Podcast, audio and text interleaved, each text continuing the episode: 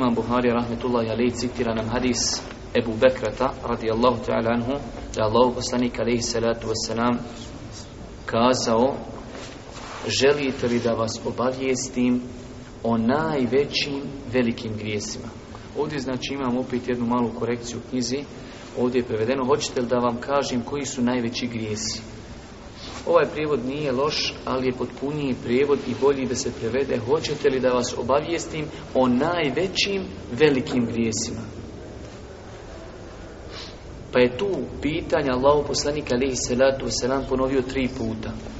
Zamislite sada kada bi ja vama rekao Hoćete li da vas obavijestim o najvećim velikim grijesima? Hoćete li da vas obavijestim o najvećim velikim grijesima? Hoćete li da vas obavijestimo najvećim velikim grijesima? Na taj način, znači, privlačeći pažnju onih ljudi koji slušaju ono što se govori. Pa su kazali ashabi svakako Allahu poslaniče želimo da nas obavijestiš o najvećim velikim grijesima. Pa kaže Allahu poslanik ali se nam, išraku billahi da čovjek učini širk Allahu te wa ta'ala وَعُقُوقُ الْوَالِدَيْنِ Nepokornost, neposlušnost roditeljima Kaže pa Allah poslanik nakon što je bio nagit Ispravio je se, sjeo i kazao je i lažno svjedočenje Ovaj hadis, braću moja draga, nosi u sebi mnoge pouke i poruke Mi ćemo spomenuti samo neki Prva stvar Pogledajte samo ovaj metod, način Allahu poslanika ali se sam kako pristupa ovoj tematici. Tri puta ponavlja ovu stvar zbog njene bitnosti. Zbog bitnosti onoga što će doći kako bi probudio želju u srcima onih koji slušaju želju prema onome što će se kazati i kako bi to oni shvatili i zapamtili.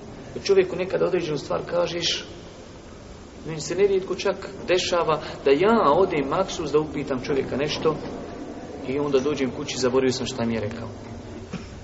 Allah poslanik priprema ljude koji slušaju tri puta im ponavlja. Hoćete li da vas obavijestim o najvećim velikim grijesima?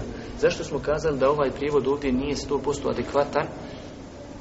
Prijevod, hoćete li vam kažem koji su najveći grijesi?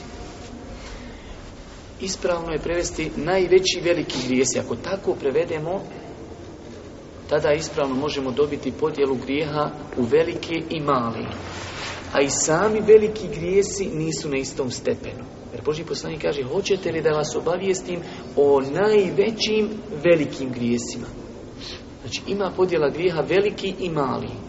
Ali isto tako veliki grijesi nisu svi na istoj da reći. To je veoma bitno, braću moja draga, da čovjek zna iz razloga, znači kako bi onaj jednostavno toj tematici posvetio više pažnje.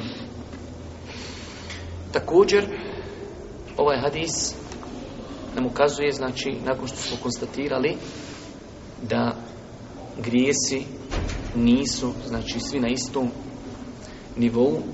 Islamski činjaci o toj tematici kada govore kažu grijesi se dijeli u dvije skupine. Veliki i mali grijesi. Šta je razlika između velikog i malog grijeha?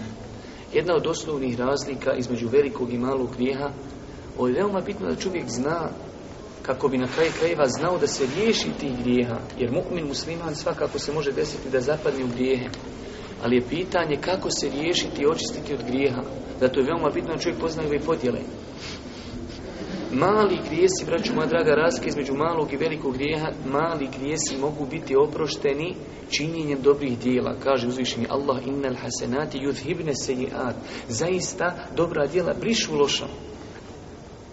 Allah poslani kaže, boj se Allaha gdje bio i loše dijelo poprati dobrim koji će ga pobrisati. Znači imamo mi tamo, znate ono za Ramazan, koji isposti Ramazan, vjerujući Allaha, nadajući se njegovoj nagrad, bit će mu grijesi.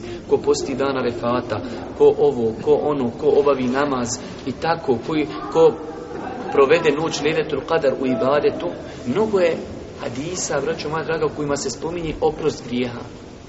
Islamski učenjaci, ali sunnet od džemata, kažu u svim ovim hadisima se misli na oprost mali grijeha. To je veoma bitno ovoj tematici tako pristupiti.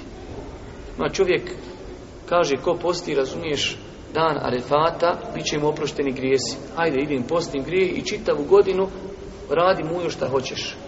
Ne. Pod ovim pojmovima i ovakvim hadisima pod su sumnja da se misli oprost malih grijeha. Veliki grijesi, braću moja draga, mogu biti oprošteni i može ih se čovjek utaricati samo sa teubom i pokajanjem. Šta je definicija velikog grija? Znači prva stvar konstatacija postoji vrste grijeha mali i veliki.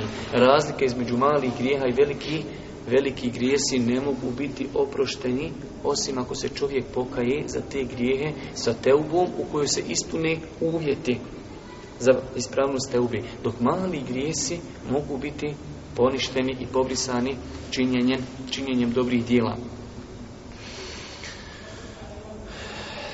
Pogledajte ovaj hadis, Allah poslanik selam nakon što je upitao hoćete li da vas obavijestimo najvećim velikim grijesima, pa je to pitanje ponovio tri puta, počinje sa širkom. Najveći grijeh koji čovjek može uraditi jeste pripisati širk uzvišenom Allahu subhanahu wa ta'ala.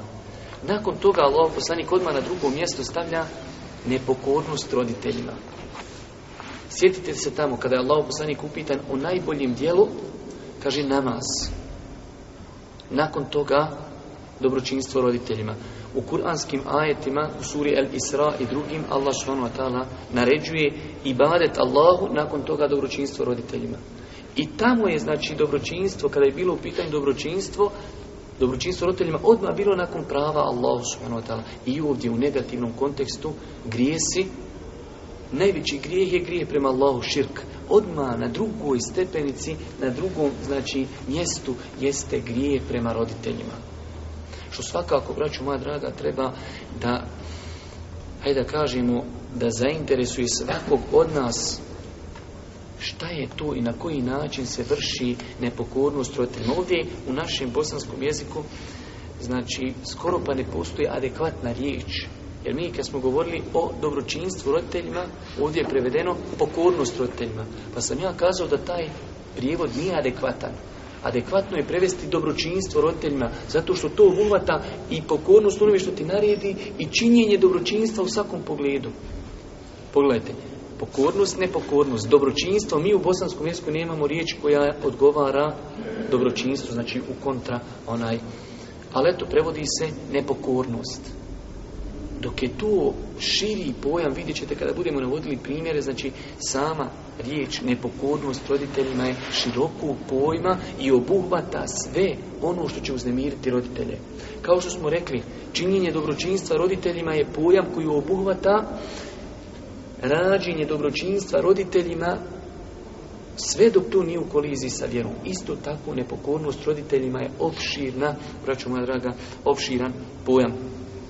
Znači na prvom mjestu najveći grijeh koji čovjek može učiniti jeste širka lov subhanahu wa ta'ala.